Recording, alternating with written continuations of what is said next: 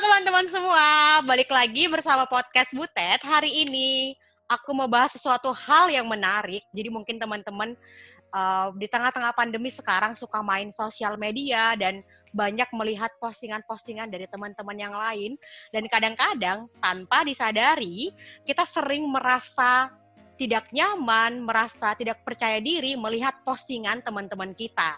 Jadi membuat kita itu merasa insecure. Nah, teman-teman, kali ini aku mau bahas tentang insecure. Dan hari ini aku nggak sendiri, aku ditemenin sama dokter cantik. Tapi biasanya aku manggilnya kakak, kakak dari Jimbaran.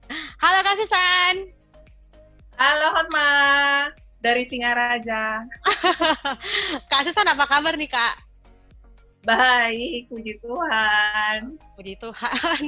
Oh ya kak, um, kan mungkin teman-teman yang lain, uh, beberapa teman-teman yang lain um, belum kenal nih siapa kakak. Kakak boleh minta tolong perkenalan diri dulu nggak kak? Boleh. Nama saya Susan. Um, umur udah kepala tiga. Tapi masih muda. Sekarang sekarang statusnya istri orang, terus masih melayani di Perkantas Bali sama di GKI Denpasar. Itu Wah. aja kali ya. Iya. Oh, sekarang kegiatannya apa nih, Kak? Sekarang libur, Hot. Oh, libur. Iya kan semua orang lagi libur. Iya, jadi Uh, sekarang lagi ngambil studi teologi S2 MD di Duta Wacana Jogja. Nah, sekarang ini lagi masa liburan semester, makanya agak-agak free lah. Kalau misalkan udah mulai kuliah lagi, padat lagi dari pagi sampai siang, wow. terus sore sampai malam ngerjain tugas, kayak gitu, ya. Hot. Makasih Kak Susan perkenalannya. Sama. Jadi Kak Susan, kita langsung aja ke topik ya Kak biar nggak okay. lama-lama. nah, belakangan ini kak, aku kan um, ya lumayan sering kan main sosial media kan, apalagi um, di tengah-tengah pandemi sekarang kan uh, kadang bingung mau ngerjain apa kayak gitu kan. Jadi uh, buka-buka sosial media, terus kan lihat-lihat Instagram, terus sekarang lihat-lihat TikTok kayak gitu kan. Nah, dari banyak um, hal yang kulihat, makin hari makin banyak orang-orang uh, yang merasa insecure gitu kak. Jadi hmm. merasa kayak misalnya aku lihat nih beberapa postingan dari orang-orang, ih dia cantik ya, aku apa hmm. kayak gitu. Ih insecure lihat orang-orang pinter, ya aku apa, aku nggak bisa kayak gitu. Jadi kak, um, menurut pandangan kakak, um, bisa nggak sih kita itu merasa insecure? Iya, uh, sangat bisa sebenarnya ya karena mungkin kita dibesarkan di sebuah situasi atau keluarga yang kadang-kadang tidak lepas dari orang-orang sekitar yang membanding-bandingkan. Hmm. Jadi ketika kita kecil, kita sudah dilatih sedemikian rupa supaya kita membandingkan diri dengan orang lain.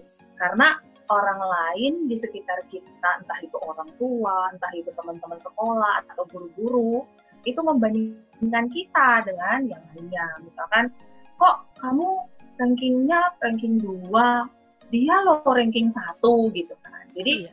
otomatis ketika kita terlatih dengan situasi-situasi seperti itu, yang sebenarnya mereka tujuannya mau motivasi kita, ya kan? Hmm tapi efek sampingnya kita jadi merasa insecure gitu ketika ada someone else yang lebih dari kita gitu. Mm. Jadi mm. sangat mungkin jawabannya sangat mungkin. Oh berarti kak berarti um, faktor utama yang membuat kita um, maksudnya membuat kita merasa insecure itu mungkin dari latar belakang kali ya kak atau lingkungan kita ya, ya yang nggak sengaja kayak gitu ya. Betul. Nah, terus kan Kak, sebelum aku buat ini kan aku kan kayak survei kecil-kecilan ya di Instagram kan, jadi supaya oh. tepat sasaran juga kan. Jadi aku survei begini. Uh -uh. Kan aku kasihkan definisi insecure. Terus aku buat, teman-teman pernah nggak sih merasa insecure gitu? Nah di pikiranku, di bayanganku itu ya, uh, semua orang pasti merasa, eh pasti pernah merasa insecure kayak gitu. Tapi ternyata jawabannya 45% itu nggak pernah merasa insecure, Kak. Oh, emang wow. emang bisa ya, Kak? Kita nggak pernah merasa insecure? itu kayaknya teman-teman Hotma itu orang-orang optimis, super optimis ya. itu deh, aku juga, aku beneran super kaget. Tapi mungkin mereka mendefinisikan insecure itu dengan uh, definisi yang berbeda ya. Hmm. Kalau misalkan uh, apa namanya dicantumkan definisinya insecure tuh ini ya gitu. Nah, hmm. mungkin mereka kayaknya hampir semuanya lah, setiap orang pasti kok pernah mengalami insecure.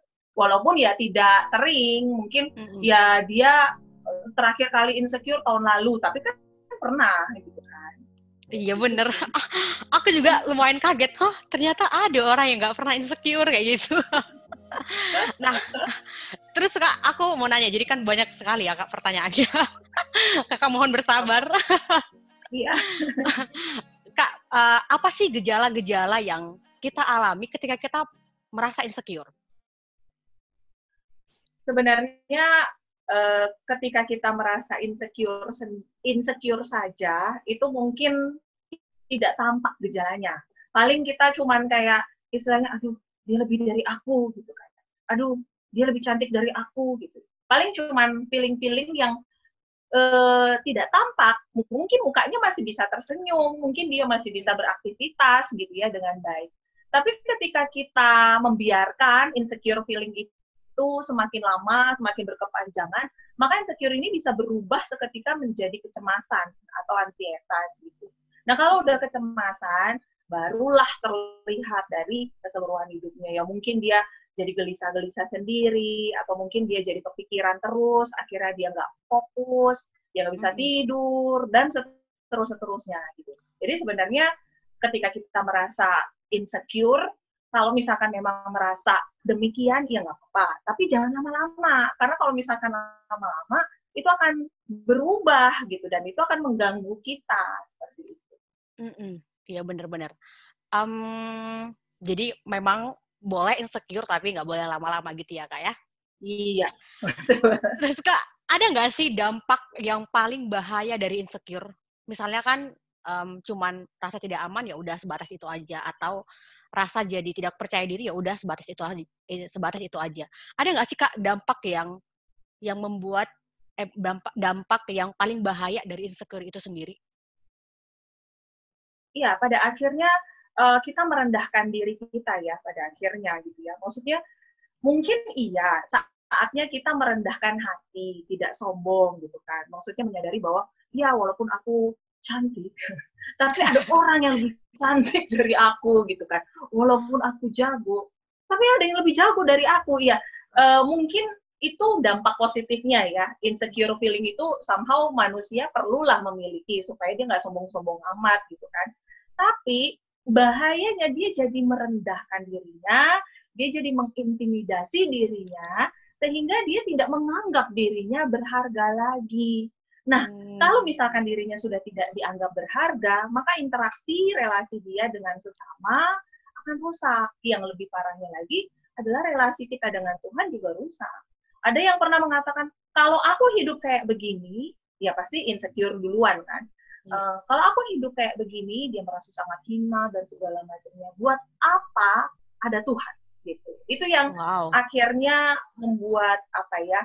Uh, ya bisa dikatakan berbahaya ya karena merusak semuanya, merusak relasi dia dengan Tuhan, relasi dia dengan sesama dan aktivitasnya pasti akan rusak juga. Gitu. Wow.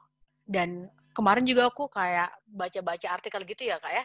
Um, hmm Tahun lalu kan ada artis Korea yang meninggal, um, namanya Suli, cewek. hmm Ternyata dia itu meninggal bunuh diri. Ini kan uh, berdasarkan artikel yang aku baca ya kak ya. Dia itu meninggal hmm bunuh diri karena dia itu insecure, banyak hujatan-hujatan dari netizen sehingga buat dia itu depresi hmm kayak gitu. Jadi ternyata hmm itu bisa memacu depresi juga ya kak ya? Bisa, bisa banget. Jadi kecemasan yang berkepanjangan nanti bisa berubah jadi depresi. Depresi yang berkepanjangan bisa mengancam nyawa. Jadi ada uh, kita bilangnya kalau di dalam bahasa Indonesia PBD, percobaan bunuh diri gitu. Ada yang seperti itu. Wow, ternyata Jadi, bisa. Ternyata bisa segila itu ya kak dampaknya ya. ya Terus kak, betul bahaya. Gimana kita bisa um, memandang sikap insecure itu dengan benar kak? Maksudnya um, sampai sejauh apa dan gimana cara kita bisa memandangnya dengan cara yang benar kayak gitu supaya nggak terjebak lama-lama di sikap insecure itu. Iya, uh, penting untuk kita mengelilingi diri kita atau kita men menempatkan diri kita di sekeliling orang yang menghargai diri kita apa adanya, gitu ya. Jadi kalau misalkan kita kayak tadi Hotma bilang kebanyakan ngeliatin sosial media gitu kan, hmm adakah orang-orang dari sosial media itu yang memotivasi kita, yang membuat kita merasa berharga, yang membuat kita merasa nyaman, diterima apa adanya? Ya kalau ada ya nggak apa-apa, tetap aja di antara orang-orang itu gitu ya. Tapi kalau misalkan ada orang-orang yang di sosial media kan istilahnya budaya share and comment ya. Jadi uh, komen komen komen aja, ih kamu kok tambah tembem gitu ya. Padahal uh, berupaya sekuat tenaga gitu ya untuk menguruskan TV gitu, tapi tetap aja kok ada yang ngomong aku tambah tembem, apalagi harus kulakukan. Gitu kan. Kalau iya, misalkan ada orang-orang seperti itu, ya mungkin ada baiknya kita jaga jarak dulu. Yang pertama gitu kan, supaya kita bisa mengkondisikan diri kita bahwa um, ada orang-orang yang katakanlah memang memotivasi kita, tapi ada juga orang-orang yang kadang apa ya toksik gitu ya, racun mm -hmm. juga kita. Tapi yang lebih penting daripada itu adalah bagaimana kita menempatkan identitas kita di hadapan Tuhan. Gitu ya. Yes. Maksudnya kalau saya, saya menganggapnya begini. Ketika Yesus datang ke dunia, dia menjadikan dunia ini sungsang. Yang seharusnya tinggi direndahkan, yang rendah ditinggikan. Kalau misalkan kita ingat ketika Yesus lahir, orang pertama yang dijadikan apa ya, pekabar Injil pertama di mana malaikat turun gitu ya, bernyanyi dalam paduan suara yang indah, gembala. Orang-orang yang tidak dianggap pada saat itu gitu ya. Kalau misalkan bisa dikatakan orang yang paling insecure di masanya. Karena gembala domba pada masa itu bukan bukan apa ya, bukan orang-orang yang punya domba, tapi orang-orang upahan gitu. Hmm. Jadi hmm, hmm. yang bahkan kadang-kadang bisa dituduh sebagai pencuri. Orang gembala tuh di zamannya identik dengan pencuri gitu ya. Jadi orang-orang di masa itu tidak terlalu menghargai gembala dan mungkin ya dia kan melihat orang ahli Taurat atau orang Farisi, aduh aku insecure gitu, ya. mereka bajunya bagus banget, aku di sini gitu ya. Ih, aduh aku insecure, mereka bisa kebaik Allah, aku nggak bisa gitu kan. Itu gembala. Tapi ketika Yesus datang, itu diputar balikan gitu ya, bahwa kita yang rendah gitu ya, kita yang hina, kita yang nggak punya apa-apa, kita yang nggak bisa apa-apa, justru Yesus datang kepada orang-orang seperti itu. Gitu. Wow. Jadi kalau misalkan memang memang feeling insecure, oke, okay, it's fine, but Jesus is with me, gitu kan. Dan itu yes. akan apa ya mengubah perspektif kita bahwa oh ya identitasku ada di dalam Yesus, aku berharga di mata Yesus, biarin aja orang mau ngapain, kayak begitu. Wow, wow itu keren banget, keren banget kak. Um, Tuhan yang Tuhan Yesus yang datang sama kita untuk nebus kita kita aja ditebus itu berarti kan udah amat sangat berharga ya kak ya iya tapi dan dia maksudnya uh, tidak hanya datang untuk istilahnya mengunjungi gitu ya untuk hmm. visit gitu tapi dia menyerahkan nyawanya untuk kita dan itu harusnya udah menjadi apa ya uh, udah yang segala-galanya gitu yang Allah berikan kepada kita dan itu juga harus menjadikan kita uh, punya perspektif bahwa Allah memberikan yang terbaik buat kita, kita punya yang terbaik itu gitu. Jadi ya ya kenapa kita jadi insecure misalkan aduh kok dia punya punya apa catokan kayak begitu atau warna rambutnya kayak gitu aku aku hitam-hitam pekat aja gitu. Gak usah karena the best thing gitu ya kita udah dikasih sama Allah gitu dan seharusnya itu udah udah membuat kita bersyukur seperti itu. Iya. Wow, keren banget. Dan memang kadang-kadang kita lupa ya kak, hmm, apa namanya untuk uh, mengingat bahwa setiap orang itu ada kelebihannya, ada kekurangannya, kayak gitu. Jadi kadang-kadang kita itu melihat segala sesuatu itu dengan standar yang sempurna. Jadi itu iya. berpotensi untuk uh, mengecewakan kali ya kak, karena nggak sesuai dengan ekspektasi Betul. gitu ya. Betul. Wow. Iya mungkin karena dia juga dituntut terus ya sama sekitar untuk jadi sempurna. Eh jadinya patah gitu ya. Jadi aduh pokoknya ini harus perfect, yang ini harus perfect. Kalau salah dikit akhirnya dia merasa uh, berdosa gitu ya. Padahal iya. enggak gitu, enggak harus kayak begitu. iya. Iya. Benar banget. Itu penjelasan yang juga nampar aku Kak, karena aku juga um, kadang-kadang sering merasa insecure gitu kayak misalnya ih kok dia hmm. bisa ya? Aku nggak bisa. Terus jadi buat aku itu kayak nggak pede untuk tampil kayak gitu kan. Jadi kayak merasa ada kok yang lebih baik dari aku? Kayak gitu kenapa harus aku? Kayak gitu. Jadi um, mengingatkan lagi bahwa setiap orang pun berharga dan punya kelebihan dan kekurangannya masing-masing. Wah, ini obrolan yang sangat seru. Um, um, satu lagi kak. Jadi ya. kan um, memang kita kan berpotensi untuk um, apa namanya um, bisa untuk insecure gitu kan. Um, bisa nggak sih kak kita itu um, mengontrol diri atau gimana caranya kita itu mengontrol diri supaya nggak terlalu larut dalam rasa insecure itu gitu kak? Jadi hmm. maksudnya iya. Ya. Maksudnya apa kak? maksudnya gini, misalnya nih aku kan insecure ya kak, terus kan aku itu kayak uh. menarik diri, nggak ketemu orang kayak gitu kan. Tapi sampai sejauh mana uh. aku itu bisa bisa bersikap kayak gitu? Apakah aku harus kayak gitu terus? Atau hmm. gimana caranya aku itu bisa ngontrol diriku, Kak? Kan susah ya, hmm. apalagi kalau udah daun hmm. banget kan. Hmm. Iya, kalau misalkan aktivitas kita sudah terganggu, berarti kita harus cepat-cepat. Istilahnya dalam dalam bahasa rohaninya bertobat gitu ya.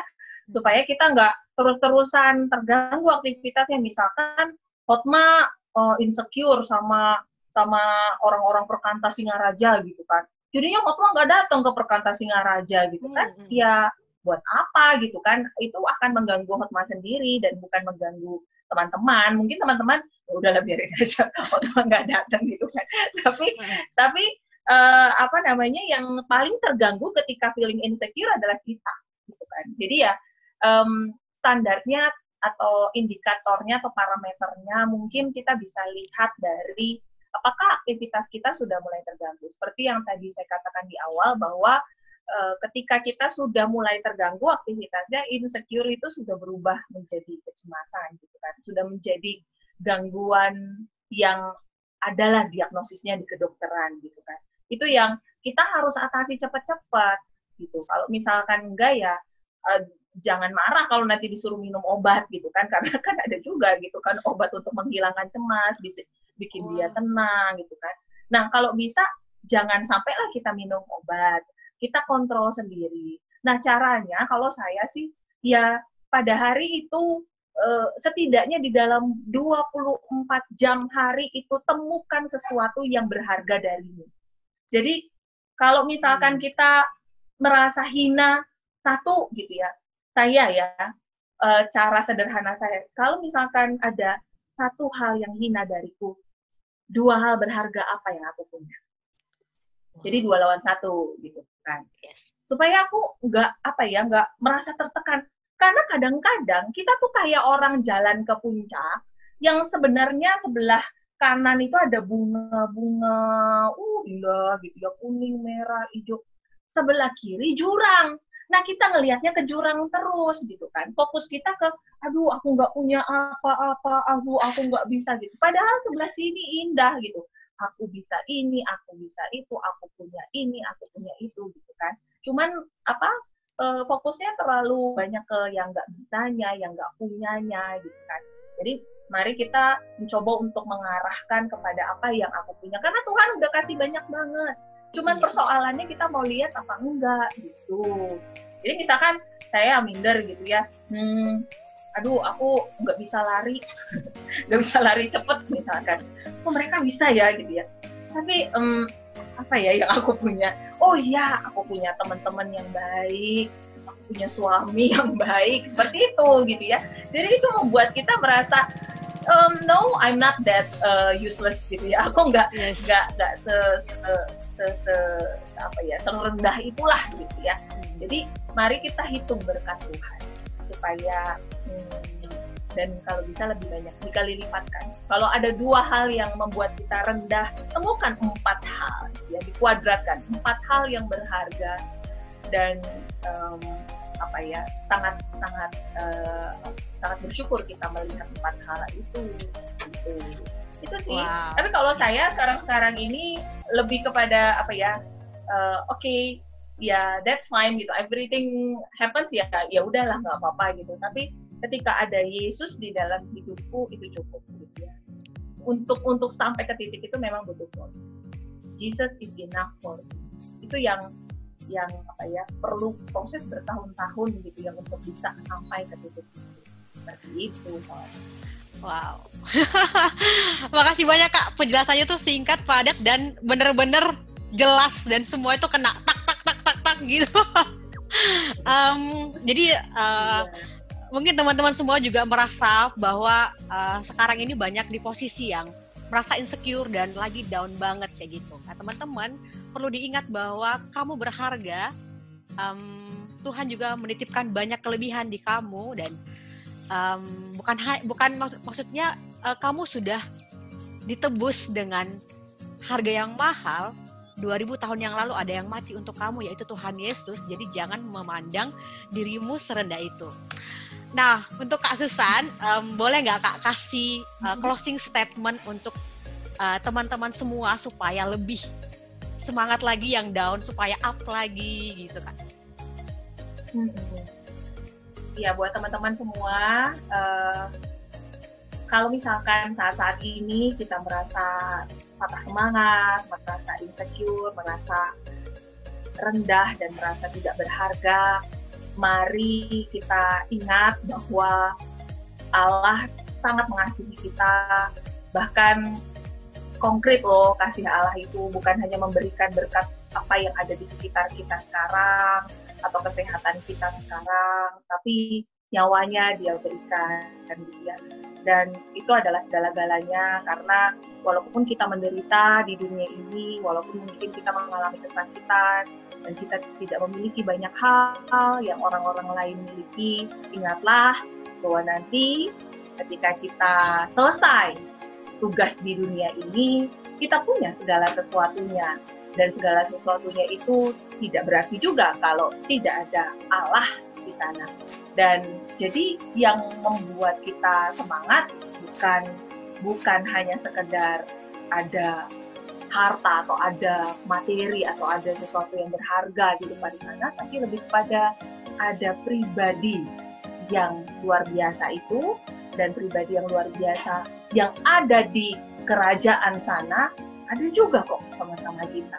Jadi apa ya, mari kita nikmati saja waktu-waktu yang mungkin tidak selalu mudah gitu ya buat kita berproses mungkin nggak langsung besok kita hilang insecure-nya tapi mari kita sertakan Allah yang memeluk kita, merangkul kita, dan mengatakan, aku mengasihimu apa Wow, jadi semangat lagi.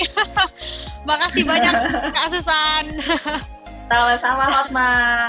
Jadi kan banyak main sosmed kan anak-anak sekarang, anak muda sekarang banyak menghabiskan waktu di sosial media. Jadi mungkin ada beberapa, ada banyak orang yang down. Jadi mungkin um, uh -huh. untuk teman-teman semua semoga yang dalam keadaan patah semangat disemangat eh makin semangat lagi lihat bahwa semangat semangat uh, belajar melihat uh, bagaimana Allah melihat kita tidak peduli siapa kita latar belakang kita seburuk apa kita uh, se sehina apa kita itu nggak peduli tapi Tuhan mengasihi kita tanpa syarat. Thank you. Makasih Kak Susan. Sama-sama Hotma.